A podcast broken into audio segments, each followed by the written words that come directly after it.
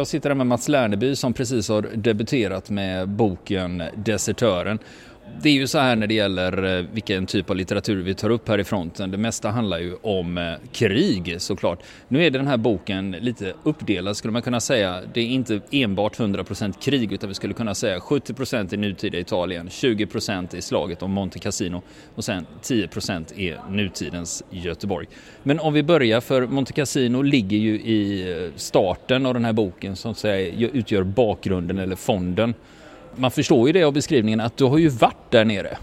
Ja, jag har varit där. Jag var där, jag har varit där flera gånger.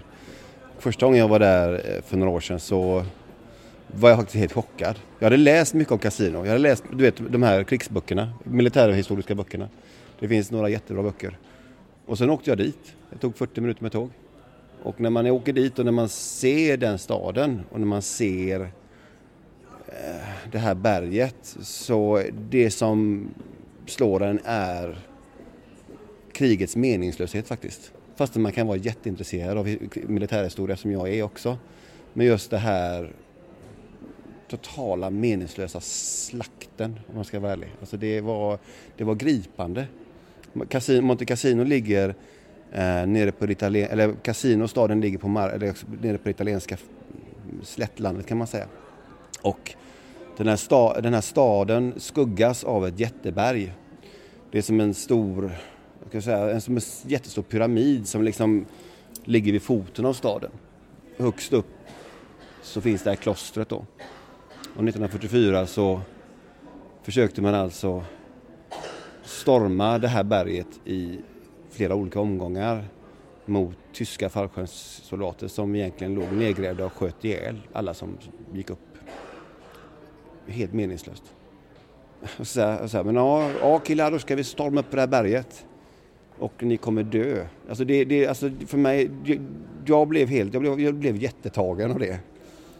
Det var en väldigt djup upplevelse att stå på de här krigskyrkogårdarna och läsa om de här unga tyskarna, de här unga engelsmännen, polackerna som bara liksom dog i ett slag som är lite bortglömt då.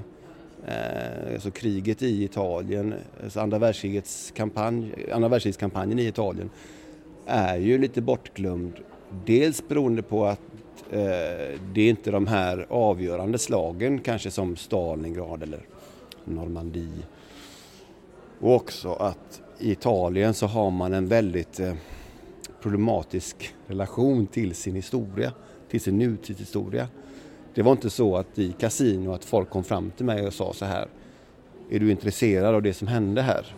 Utan det var mer så här att jag frågade människor i kasino. Var kan jag hitta kyrkogården?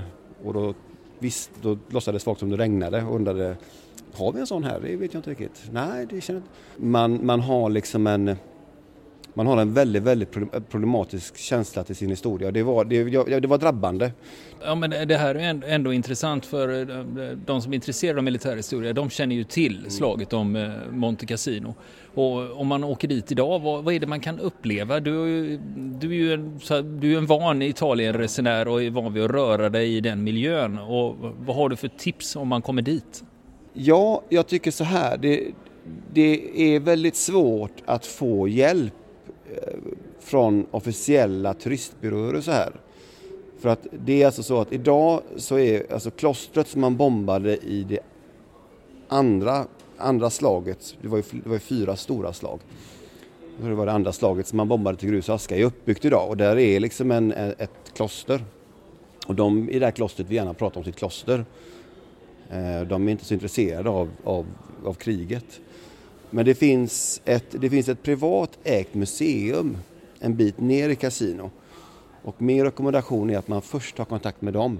Sen går det bussar från Rom till kasino eh, om, man, om man vill liksom få en guidad tur. Men om man åker till kasino så kan man ta tåget.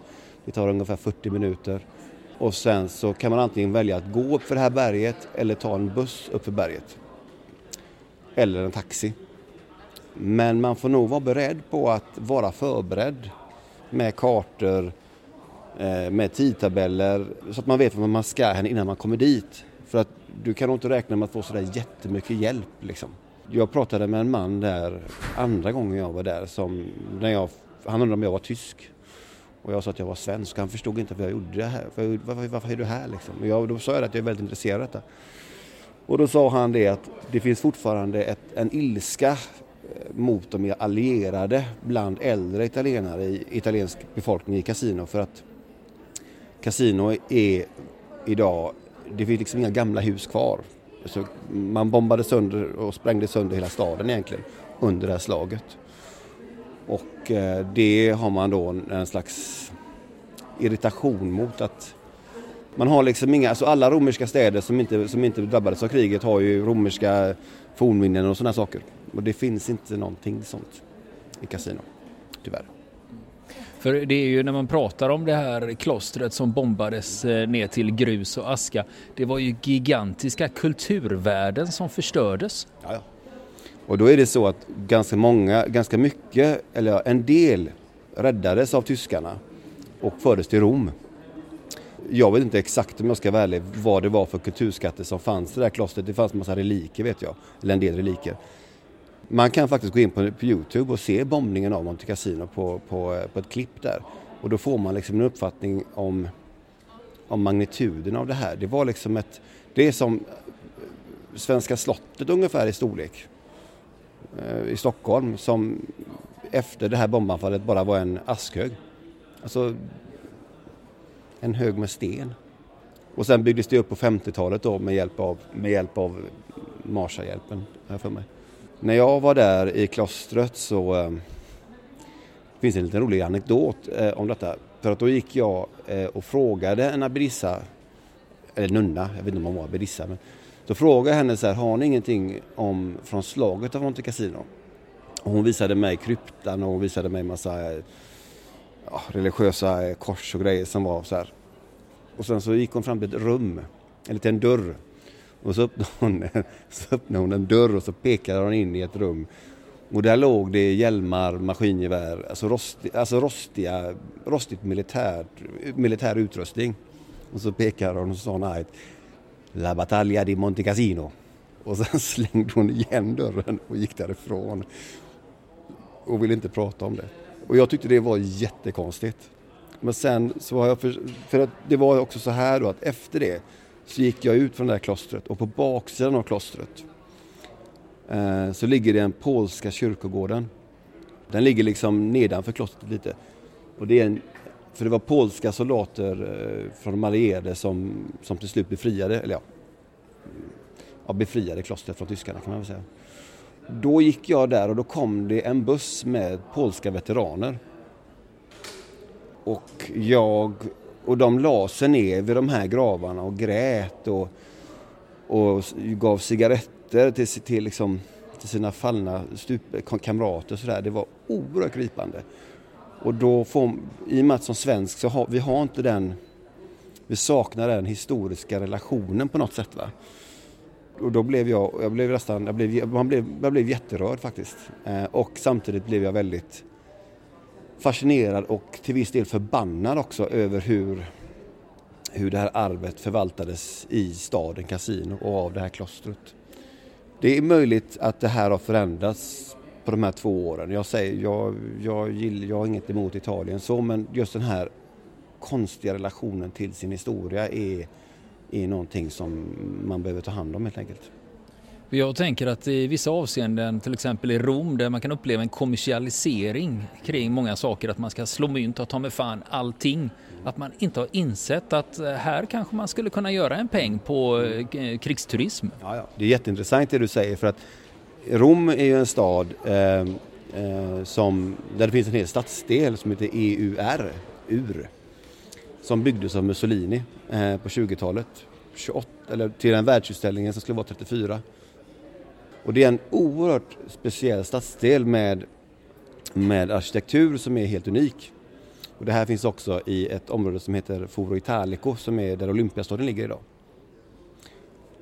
Men om du frågar, om du frågar folk vem det var som byggde det här och, och så, så, så, blir, så blir liksom man, man nervös och man vill liksom inte riktigt svara på det.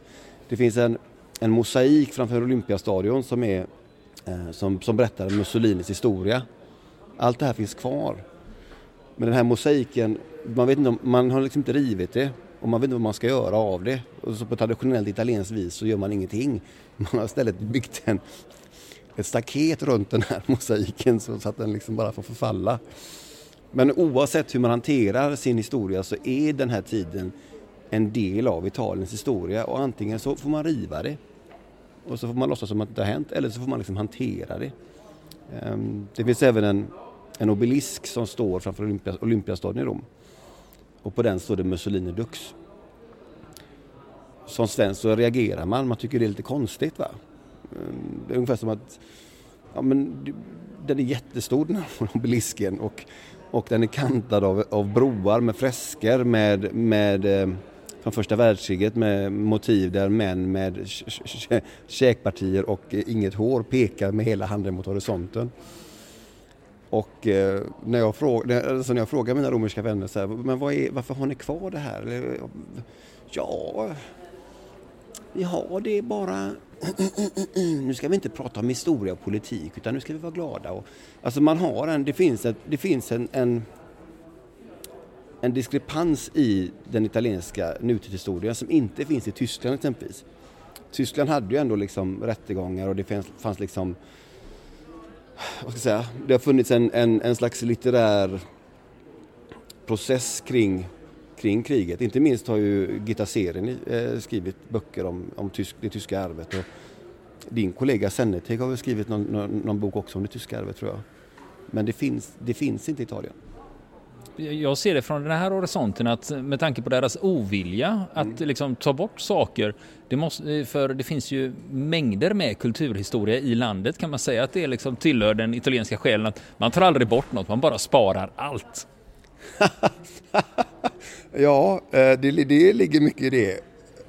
Eller så tar man inte eller så, så, eh, så tar man liksom inte riktigt eh, ansvar för, för det man har eh, på något sätt. Ja, om man, man kan dra en, en, parallell till år 2000. Då var det ett stort jubileum. Jag tror det var det katolska kyrkans jubileum. Bla bla bla. Då skulle man renovera Forum Romanum och Colosseum bland annat. Och det gjorde ju inte, det var ju inte italienska staten som gjorde det. Utan det gjorde ju den katolska kyrkan. För att romerska staten, alltså it, it, it, italienska staten var med så här, ja men de har ju alltid stått här, Colosseum och varför ska vi varför ska vi göra någonting åt det liksom? Eh, man, man, man brukar säga så här att italienarna ibland blundar hårt och hoppas att saker och ting har ändrat sig när man öppnar ögonen. Eh, nej men det, det tangerar ju det här med varför bevarar man saker, varför bevarar man vissa saker och varför tar man bort andra? Ja det gör det ju. Va? Och om man säger så här, det, det om, man åker till, om vi kopplar tillbaka till Casino, krigskyrkogården, den engelska krigskyrkogården i Casino.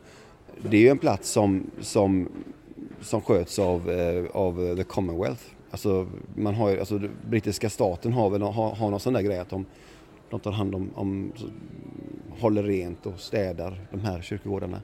Det är ju inte italienarna som gör det. Det finns så många parametrar i, i den här historiska grejen med, med Italien som gör det så intressant tycker jag hela det här, hela det här alltså andra världskriget är ju en, en, en orgie egentligen i, i konstiga beslut och, och eh, byta sida faktiskt gjorde man ju 43.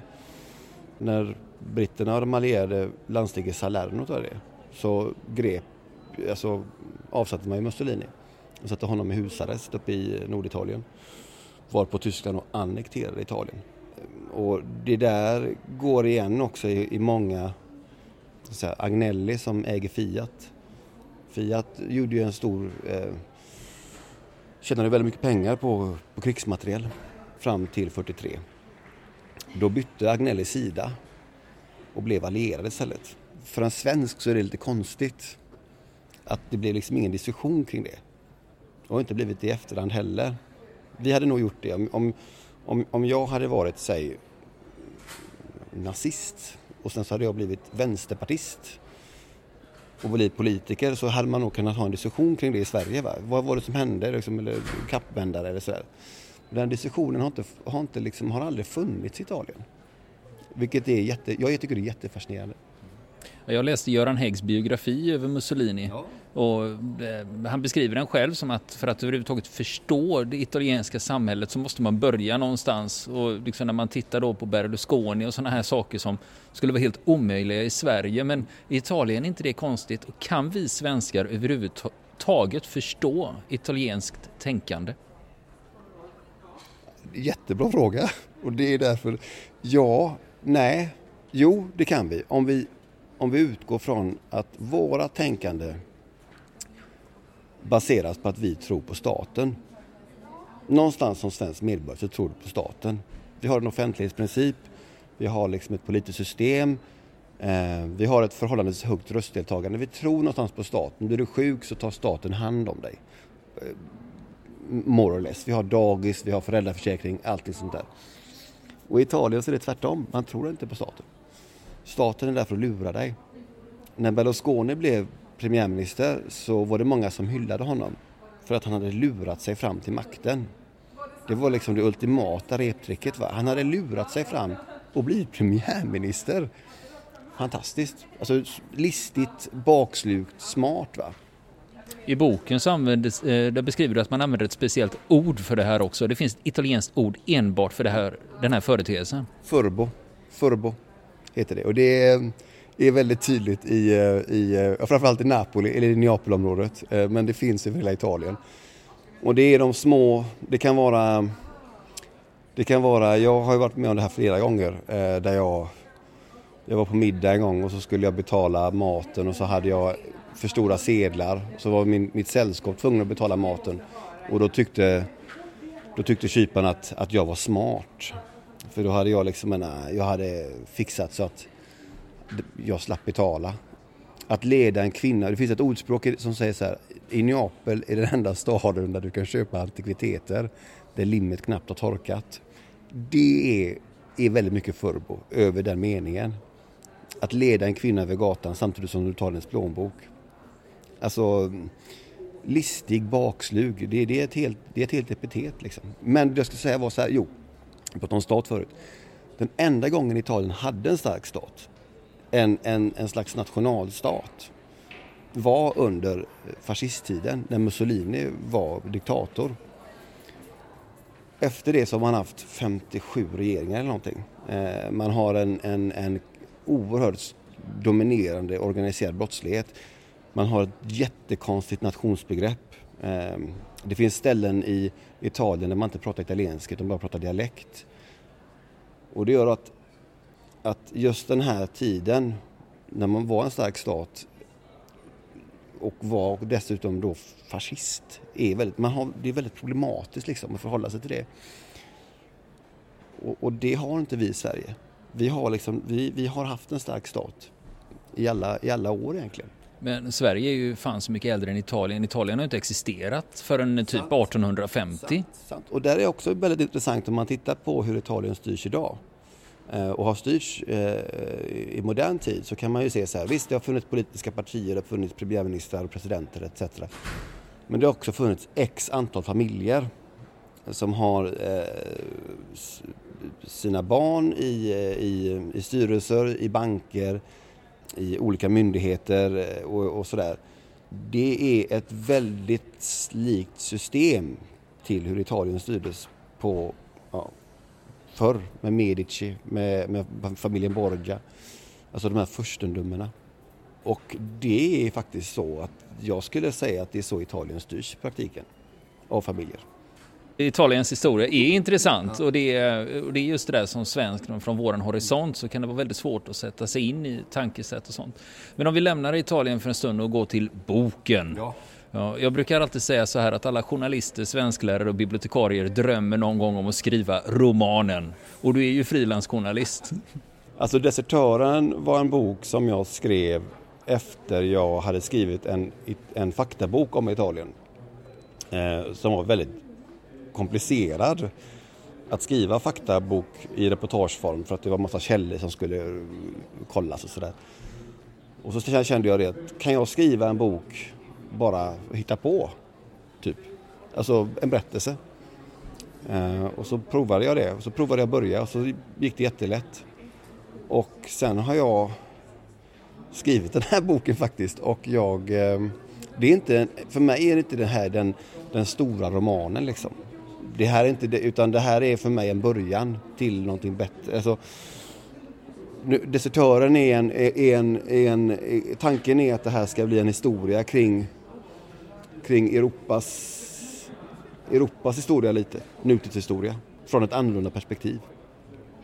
Ja, för den börjar ju med eh, frilansjournalisten Erik Gallpol som är verksam i Göteborg och det är ju ingen tvekan då om vem det är som Eh, hur är det med ett alter ego egentligen, när man plötsligt har full skönlitterär frihet att göra precis vad man vill? Till exempel köra Jaguar E-Type och sådana saker. Ja, jo, nej men det är väl helt sant att Erik Gallpol, när jag, och framförallt när jag började skriva om, om Erik Gallpol så ville jag etablera en person som jag när jag skrev trodde på den här personen.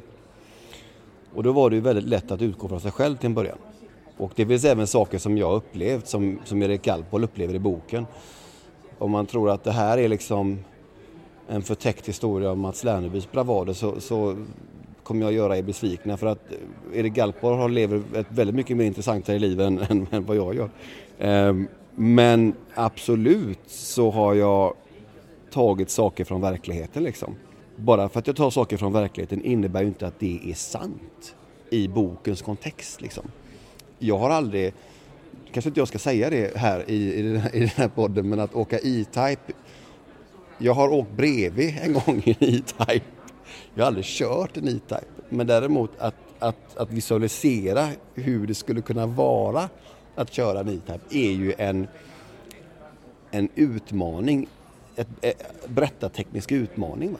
Eh, så, och så har jag nog gjort ganska mycket i den här boken. Jag har ju aldrig varit i kasino. Jag, var aldrig, jag, är ju, jag är inte så gammal, eller jag, jag har ju aldrig varit och upplevt krig exempelvis. Och det var ju en jätteutmaning. Hur gör man det? Hur kan man visualisera eh, alltså, ett krig som man bara har läst om eller sett svartvita bilder på? Och då är det en research och där man någonstans landar i det har jag velat göra i vart fall. Alltså man kan skriva på olika sätt men jag vill, ville alltså någonstans hur, hur, hur hade jag upplevt det här? Jag hade varit livrädd om jag hade varit, befunnit mig i egentligen alla de här historierna när man läser om andra världskriget eller första världskriget. Och vi lever, nu sitter vi här i en, en, en skön miljö men jag, alltså, jag hade varit helt livrädd alltså. Jag var, för, jag var totalt skräckslagen. Eh, så att folk dör och armar och ben. nu svor jag nästan lite i den här podden. Nej, jag har varit helt skraj. Vi har en explicit markering så man får göra det. Nej men så, ja, ja, det, var väl, det var väl den stora eh, grejen tyckte jag. Att, att, att släppa, alltså som journalist så har du hela, är du hela tiden eh, jag ska säga, låst vid, des, alltså vid verkligheten, vid dina källor, vid, vid sättet att, att, att hantera informationen. Va? Du kan inte intervjua en grisbonde och sen så skriva eller rapportera om en grävlingsfarm. Det, för det går inte. För det är lugn. Som författare så har du inte den begränsningen. Som författare så kan du faktiskt hitta på. Men att släppa taget om den här eh, journalistiska tryggheten som en källa är. Det var svårt. Men när det väl var gjort så gick det ju så gick det ganska lätt faktiskt. Men när det gäller att skildra krig, hur gick du tillväga när det gällde researchen? Jag åkte som sagt dit. Det var, det var, jag läste, och nu kommer inte jag ihåg det rakt i huvudet, men det får vi nästan ta. Jag läste två väldigt, väldigt bra böcker om Monte Cassino. Jag började så. Eh, det är av en engelsman som heter Matthew, ja, jag kommer inte ihåg. Jag läste böcker och sen köpt, så köpte jag eh, filmer om, om, eh, om den italienska alltså, kampanjen under, under andra världskriget. Jag eh, läste bland annat Göran Häggs bok och flera andra böcker. Och jag... Eh, jo, jag, jo, jag vet det, eh, satt faktiskt på SVTs gamla arkiv och tog fram eh, alltså dokumentärer och sådana saker. Och, så jag fick liksom hela bilden klar för mig. Den här den här, om man säger med all, nu menar inte jag någonting, alltså det här militärhistoriska helikopterperspektivet någonstans. som man kan liksom förstå, som man kan liksom gilla. Ja, ja, men det, det, är ju en sak, ja, men sen ska du det är ju det att förstå liksom att ja, vid det datumet så befann sig ja. det förbandet där och så, men sen när man då i boken ska koka ner det på individnivå. Då, så åkte jag dit. Då var det som att jag slängde all den jävla, eller all den här, allt det jag visste betydde ingenting på något sätt. Det var, det var så, det, blev, det, det var väldigt drabbande. Jag tänkte det, tänk om jag Tänk om jag var 20 år och stod här och skulle storma upp för det här berget. Alltså aldrig i livet. Aldrig i livet att jag hade gjort det. För att, för, för att sannolikheten att jag skulle bli dödad är ju liksom... Alltså att, att någonstans placera sig mänskligt i den situationen. Det var det som var grejen. Tror jag. Eh, och sen hade jag även, fanns det människor som jag fick tag i som hade varit vid kasino. Men jag valde faktiskt att inte prata med dem av den här anledningen att jag ville skildra det, men, alltså jag ville ha, jag ville att det skulle vara, alltså, jag ville skildra en, en, en, en, mänsklig känsla och den känslan kunde jag bara känna själv. Så då gjorde jag faktiskt avkall på det, för att hade jag gjort en faktabok så hade jag ju liksom åkt runt till varenda veteran jag hade träffat, eh, som jag, som jag hade känt till. Va? Men, men jag gjorde inte det. Och jag hade nog inte, jag, jag gillar, jag tycker det blev bra alltså jag, jag, jag är rätt nöjd med, det, med, med hur det blev. För att, för att um, det är nämligen så här, det finns en, ganska, det finns en anekdot till det här som kommer nu. Det är att när manuset var i sin första eller andra version så fick jag kontakt med en engelsman som hörde av sig för att jag hade en agentur då, jag har fortfarande en agentur i samband med att vi letade förlag i Sverige så, så, så var de på någon mässa och så fick han nys om att jag hade skrivit om kasino. Och hans pappa hade varit i, hade varit i Monte Casino och överlevt. Och hans pappa hade skrivit en, eh, innan han gick bort på 80-talet, hade skrivit liksom en skildring av det där. Och det var nästan, det var precis de känslorna som jag själv hade skapat om man säger. Va? Och då förstod, då, det var väl då jag liksom eh, insåg att jag, att jag hade gjort, gjort rätt, är väl hårt att säga, men att, att jag liksom, jag var någonting på spåren. Jag tror annars att jag hade drunknat i research alltså, faktiskt. För att det finns så mycket att, att skriva om det där. Men eh, när du pratar om att du vill etablera den här huvudkaraktären Erik Gallpol, blir det någon fortsättning? Ja, det blir det. Det kommer bli en fortsättning. Ehm, och läser man boken inte minst så kommer man förstå att det blir en fortsättning. Och den fortsättningen kommer handla om, alltså den här, det är planerat tre böcker. Nu säger jag det, eh, så får vi se vad det blir. Min, det är planerat tre böcker och det kommer handla om, alltså det kommer handla om europeisk nutidshistoria ur ett eh, ur ett annat perspektiv kan man väl säga. Alltså ur ett perspektiv från kanske, eller från kanske, från den organiserade, det vi brukar kalla för organiserad brottslighet. Um, eller maffia.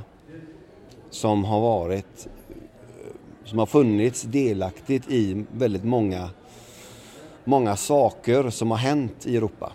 Och, och även idag då. Men, men ehm, för att jag och det är väl något journalistiskt arv tror jag. Att man, att jag vill ju att när man läser den här boken så ska man dels få en stunds underhållning men man ska också kanske börja fundera lite på, på det som sägs och det som sägs i media och det som folk säger och, och, och tänka själv lite och dra sina egna slutsatser i de stora händelsernas duk. Och vi på fronten vi har faktiskt fått två exemplar av boken Desertören som vi tänkte lotta ut bland våra lyssnare. För att vara med så skickar ni e-mail till adressen frontenpodcast@gmail.com. I ämnesraden så skriver ni Desertören och sen i själva meddelandet så skriver ni namn och adress. Och skicka det gärna till oss innan den 12 november för det är då dragningen sker. Vill ni komma i kontakt med oss så kan ni göra det via vår Facebook-sida som heter Fronten. Det är inga problem för er att leta er fram där. Eller också så mejlar ni på vår mejladress och det är frontenpodcast.gmail.com.